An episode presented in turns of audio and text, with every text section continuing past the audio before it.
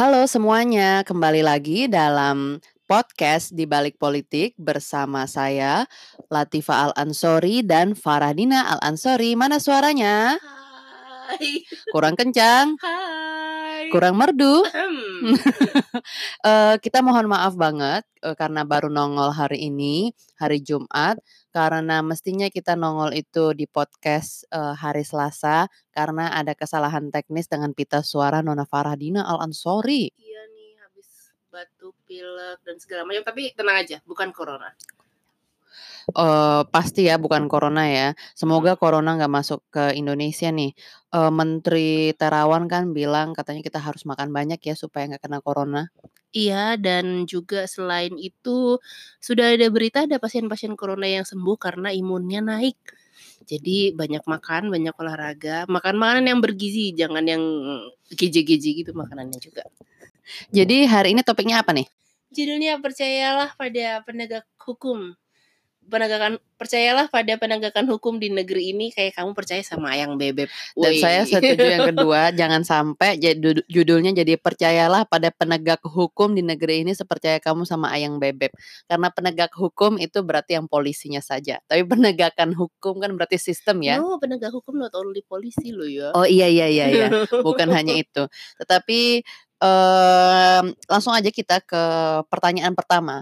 Apa sih yang biasanya jadi perhatian soal penegakan hukum? Nah, biasanya kan yang masuk koran-koran, media-media online, media cetak, media eh, televisi itu pasti kalau kita lihat di TV berita-berita soal penegakan hukum tuh kalau nggak soal korupsi, soal narkoba atau soal em, apa seleb atau orang beken artis gitu yang melakukan kejahatan tertentu. Pokoknya kalau orang Seperti terkenal gitu ya. iya seperti gimana Nikita Mirzani tengah malam diambil polisi dari rumahnya itu ya. Oh iya. Baru kejadian, baru Oh. kejadian semalam. Oh, man, last night? Uh, just last night. Oh, Oke. Jadi eh, malah itu yang menjadi perhatian pada penegakan hukum. Padahal ada banyak banget hal-hal yang kejadian di negara ini eh, selain korupsi, narkoba dan apa yang dilakukan oleh seleb, yang juga sebenarnya eh, tidak bisa luput dari penegakan keadilan juga. Betul. Nah kalau akhir-akhir ini yang marak soal apa ya? Yang biasanya garis besarnya tetap korupsi dan Mm-mm. eh, pidana umum ya. Mm-mm. Kalau umpamanya korupsi kan berapa awal apa tahun baru kita disajikan dengan dalam tanda petik drama ya enggak sih? Penegakan eh, apa penangkapan Mm-mm. seorang komisioner di Komisioner KPU Wahyu Pak Wahyu siapa itu?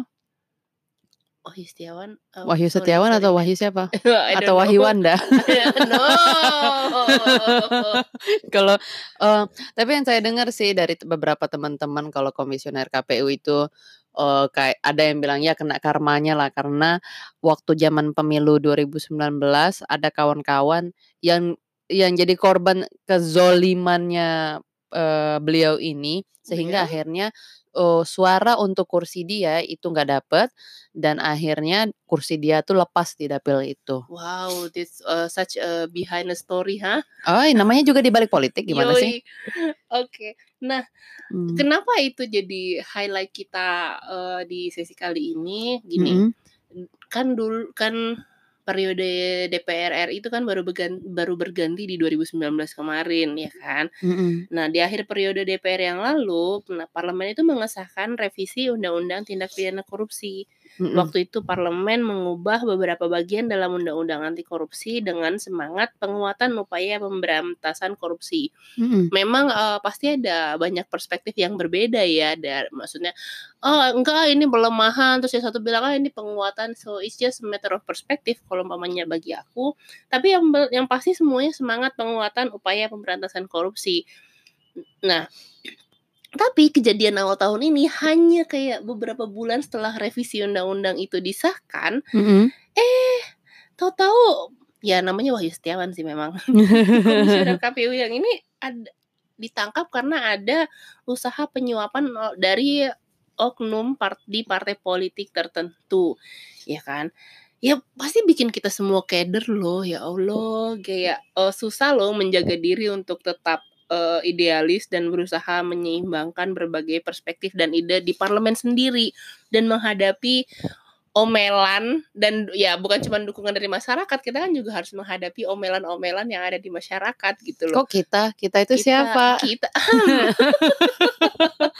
kita generasi muda cuy. Oke. Gitu. Nah, tentu kejadian yang dilakukan oleh politisi partai itu, Harun Masiku yang sekarang masih DPO Mhm. dan segala rentetannya yang dilakukan oleh partai politik terkait itu sih menurut aku ya mencederai semangat usaha penguatan pemberantasan korupsi itu tadi gitu loh. Kayak kita jungkir balik supaya bukan cuman kita ya, sem kita semua kan pasti pengen negara kita bebas dari korupsi atau minimal se ditekan serendah mungkin apanya korupsinya. Betul. Tapi ya Malah yang terjadi seperti ini dan merembet ke mana-mana kan. Iya benar. Eee, jad yang viral, oh ini well ini berhubung tanggal 31 Januari, jadi sampai viral bagaimana Menkumham Yasona dituding menghalangi KPK.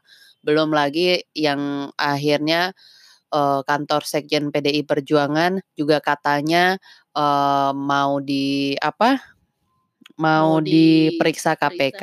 tapi nggak mau. Tapi nggak mau, sehingga itu menimbulkan kecurigaan di masyarakat. Sehingga masalah soal pemberantasan korupsi di negara ini, eee, jadi sebuah pembicaraan sudah kayak pembicaraan gosip pagi harinya ibu-ibu, kalau ini pembicaraan gosipnya bapak-bapak dan mahasiswa dan aktivis sepertinya. Iya iya Iya benar. kan? Oke. Coba Mmm. iya kan coba gini, dia satu pertama ada OTT, terus ada Mhm. orang yang ditangkap, terus katanya ada orang yang DPO Harun Masikunya katanya kabur ke luar negeri ke Singapura ya. Mhm. Terus balik luar balik dari Singapura nggak ke-detect kata imigrasi. Which is Terus kayak nonsense gitu kan. Terus katanya, eee, OTT, tetapi eh, KPK bilang OTT, lalu PDI Perjuangan bilang itu bukan OTT karena kejadiannya itu sudah dilakukan kapan, lalu beberapa hari kemudian ditangkap. Jadi saya juga bingung, ini apa sih yang Ya sebenarnya itu terjadi? OTT atau tidak, yang jelas berarti ada pelanggaran hukum yang terjadi gitu. Betul Nah sekali, bisa intinya adalah bayangkan. pelanggaran hukumnya yang terjadi ya. Iya.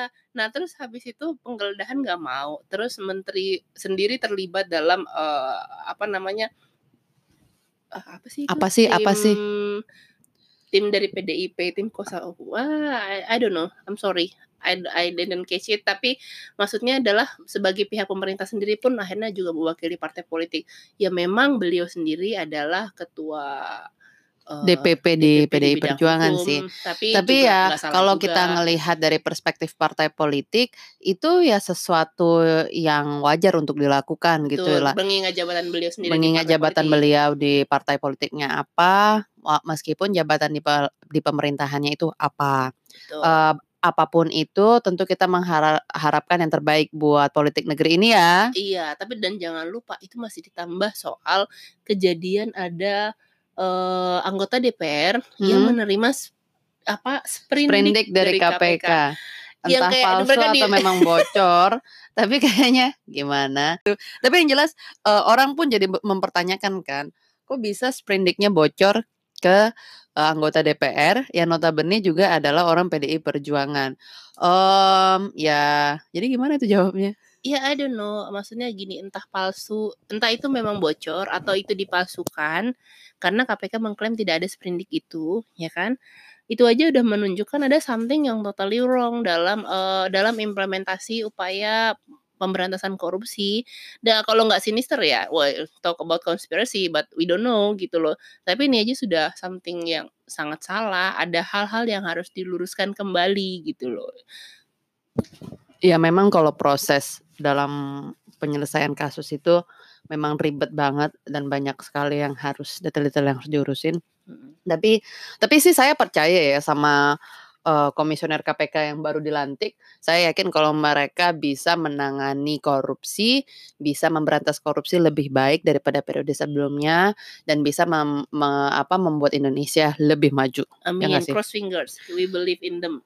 Yes. Nah, selain tapi kita jangan ngomong soal korupsi aja, karena penegakan hukum di Indonesia itu bukan cuman soal korupsi. Kemar apa, beberapa waktu terakhir juga kita rame dengan kasus seorang pemuda yang membunuh begal yang selain akan merampok si pemuda ini, juga akan memperkosa pacarnya cuy. Mhm. Nah, wab waktu itu beberapa waktu lalu sempat ramai karena dia akan dituntut dengan pasal dengan yang ancaman hukumannya itu adalah hukuman mati atau penjara seumur hidup.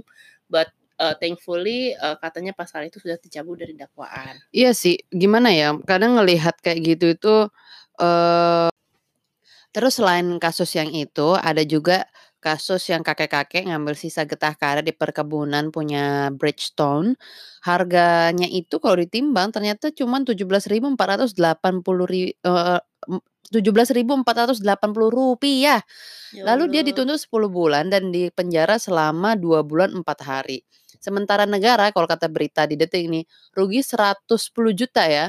Ya, Enggak rugi sih sebenarnya. untuk proses Untuk proses, hukumnya. penanganan kasusnya kakek ini, Heeh. eee, yang dilaporkan oleh Bridgestone, negara harus membayar Rp110.000.000. Hmm. Bayangkan coba.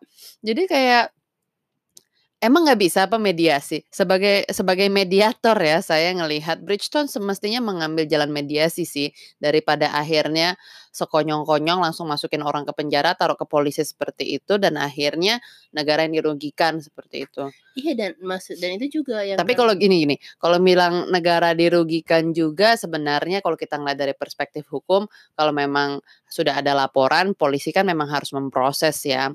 Se Betul. eee, tetapi kembali lagi kadang kita harus ngelihat juga kasus-kasus lain di mana sudah sudah susah orang itu, ruginya miliaran, tapi sama polisi juga nggak diproses. Oh ya, that's bad. Dan itu kan kasusnya banyak dan tidak mem apa, tidak involves nama perusahaan besar contohnya. Kan banyak aja tuh kadang-kadang, eee, pengusaha atau PT, CV yang dirugikan miliaran, tapi akhirnya sama polisi kasusnya gantung aja, gitu kan. Mhm, betul. Sementara ini kakek-kakek ruginya Rp17.000 diproses loh dan itu Iya. aja. Kenapa nggak kenapa polisinya nggak menawarkan mediasi juga Nah gitu gitu, loh. makanya jaksa penuntut umumnya menuntut 10 bulan loh. Wah hebat loh dia. Oh, gitu. Nah, itulah kenapa, mmm, akhir-akhir ini kan kata-kata bicara soal restoratif justice, yaitu keadilan yang restoratif itu ya harus didukung. Kenapa? Karena pendekatannya itu justru lebih mene menitikberatkan pada terciptanya keadilan dan keseimbangan, baik untuk pelaku tindak pidana maupun terutama untuk korban. Kayak contoh si kakek tadi, Mhm. dia dia, eee, melewati perkebunan karet, jadi dia memunguti sisa karet, Mhm. sisa getah karet, terus ketahuan sama petugasnya yang juga kebetulan sedang pro patroli, dibawa, ditimbang bahwa itu cuman beratnya berapa senilai du Rp17.000. Ya Allah di Jakarta itu nggak dapet kali segelas boba juga. Segelas boba. Wow. Oke, terus apa lagi nih? Nah, karena banyak kasus-kasus akhir-akhir ini yang, eee, tadi kan di ranahnya KPK, ini kan di ranah Kejaksaan Agung, eee, polisi dan Kejaksaan Agung. Nah, beberapa hari lalu Jaksa Agung udah menyatakan bahwa keja bahwa kejaksaan sendiri akan membuat SOP baru terkait penuntutan. Jadi supaya yang berlaku di seluruh Indonesia, walaupun sebenarnya kalau aku pikir-pikir pernyataan itu ya, eee, emangnya selama ini nggak ada SOP, tapi pasti mungkin ini, hal Wow baru wow ya. wow wow wow. Pertanyaan Anda bagus. Jadi selama ini nggak ada SOP? Atau mungkin Kok baru SOP-nya mau buat kurang SOP? kurang, Harus eee, di-update kali SOP ya? baru, mungkin SOP baru maksudnya renewal, jadi Mungkin. SOP-nya sudah ada dari zaman kemerdekaan, jadi Heeh, harus jadi di-update. Kalau yang ini ini. kita juga butuh informasi lebih lanjut ya bagaimana ini.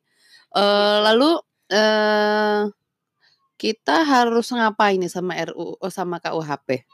Jadi karena sudah jadi dari itu kan tadi teknisnya, tapi secara undang-undangnya gini, waktu di akhir periode DPR RI 2014-2019, Mhm. selain dengan Undang-Undang Tipikor, Undang-Undang KUHP itu juga penge eee, juga ingin disahkan perbaikannya, tapi kan belum.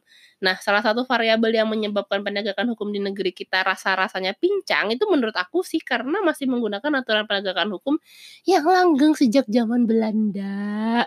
Dulu namanya Wetboek van Ayo ayo bisa baca nggak? Bisa baca nggak? Bisa baca nggak? aja rasanya kepelintir. Wetboek van Strafrecht voor Nederlands-Indië. Ya, Anda mendapatkan piring. Pengesahannya itu dilakukan melalui Stadsblad FYI tahun 1915 nomor 732 dan mulai berlaku sejak 1 Januari 1918 1918. Berarti Sekarang sudah kita sudah 110 31 Januari 2020 Berarti sudah sudah 112 tahun dong. 102 tahun sayang. Oh, 102 tahun. Nah, jadi kita udah menegakkan huk- menggunakan hukum yang sudah berusia lebih dari satu abad. Bukan berarti semuanya jelek ya, tapi kan Mm-mm. pasti eh kita aja revolusi industri udah revolusi Yang industri ke 2, 2, 3, 3, 4. 4 gitu kan. Oh. Sudah ada yang mau kelima lagi. Nah, tentu harus ada banyak sekali perubahan yang harus diakomodasikan, harus diakomodir dalam undang-undang itu untuk mengantisipasi perkembangan sosial saat ini. Jadi solusinya itu kita harus percaya pada penegakan hukum di negeri ini sepercaya kamu sama ayang bebek. Percaya nggak sama ayang bebek? Emang ayang bebeknya ada? Pak, pengumuman buat para jombloan. Kita berdua ini jomblowati loh salah ya. Iya. itu pengumuman yang bagus sekali. Jadi kita Oke. harus beri kepercayaan Iya, pada tetap. penegakan hukum, Benar. terus memantau, jangan seribu persen percaya. Seribu persen percaya aja nggak boleh, apalagi cuma 100% percaya, gitu kan. Lalu kalau ada yang kurang pas, itu sebaiknya diajak ngobrol dulu, tukar pikiran, eh, mencari solusinya dengan baik-baik sebelum akhirnya dibawa ke polisi. Ya saya saya bisa paham sih kalau kita ketika marah orang itu keterlaluan, mungkin dibawa aja lah ya ke, ke polisi Iya, gitu kan. Tetapi like ada that. baiknya juga sih menurut saya. Maksudnya saya tuh tahu deh eh, ada yang pernah info katanya di polisi itu juga bisa dilakukan mediasi gitu kan. Betul. Jadi memang ada baiknya juga kalau ada eh, tindakan penegakan hukum itu betul-betul aktif menggunakan mediasi gitu loh. Sepakat, sepakat. Se- saya dulu da- dari pengalaman saya menjadi mediator di Amerika, ada beberapa kasus yang kerugiannya gede-gedean ratusan juta diselesaikannya dengan mediasi.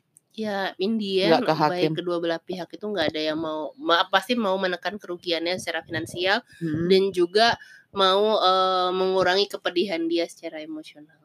Emang tapi tidak semua orang mau menekan kerugian negara kan. Yoi. Oke deh, kayaknya kita udah lama banget nih ber bercerita di telinga di telinga kamu, bukan di telinga. Eh, jadi eh, kami mohon maaf sekali lagi karena baru muncul hari Jumat. Kami harap you are going to have a great weekend, having a blessed Saturday and Sunday. Kita ketemu lagi di Selasa berikutnya berarti ya. I hope so. Jangan rusak lagi suaranya karena ada Iya. yang kangen sama suara cempreng kita nih. Oke, supaya Oke. penutupannya nggak awkward, kita bye-bye. Bye bye.